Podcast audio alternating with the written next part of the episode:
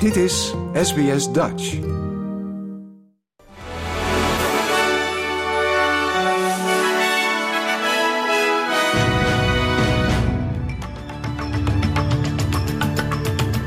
Dit is de SBS Nieuwsflits van woensdag 22 november. Mijn naam is Paulien Roesink.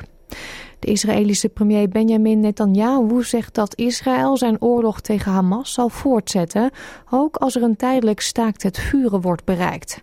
Dat zei hij voorafgaand aan een verwachte stemming in het kabinet over dat staakt het vuren voorstel.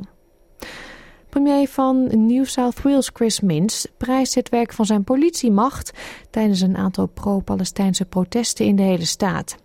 Ook veroordeelt hij de incidenten die gisteravond plaatsvonden in Port Botany. Honderden Palestijnse aanhangers van vakbonden gingen daar de confrontatie aan met politie tijdens een protest tegen een Israëlische rederij. Minister van Buitenlandse Zaken Penny Wong heeft het standpunt van de regering herhaald dat een Chinees oorlogsschip een onveilige en onprofessionele interactie heeft gehad met een Australisch marineschip. De federale overheid zegt dat verschillende duikers van de HMAS Toowoomba vorige week dinsdag in het water lagen voor de kust van Japan toen Chinese torpedobootjager sonarpulsen uitzond.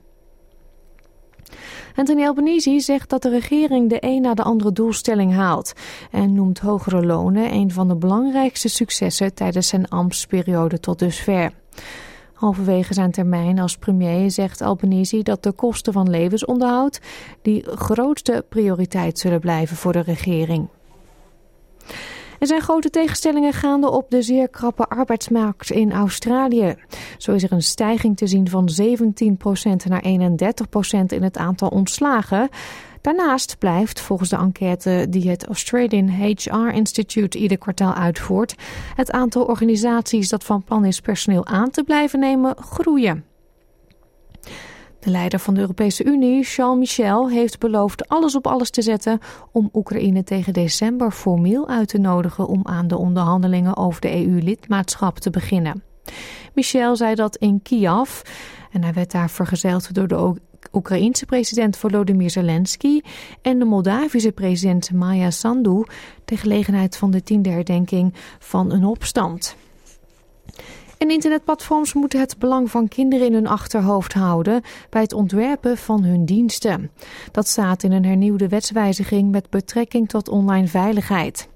In het, in het wetswijzigingsvoorstel staat ook dat platforms onwettig materiaal dat met behulp van kunstmatige intelligentie is gecreëerd, moeten verwijderen en stappen moeten ondernemen om haatzaaiende uitlatingen op te sporen. Tot zover deze nieuwsflits. Volg de SBS Dutch podcast voor meer nieuws en achtergronden of bezoek onze website www.sbs.com.au Dutch.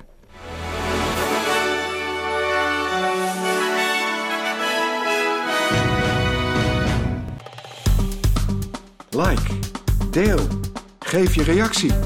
Volg SBS Dutch op Facebook.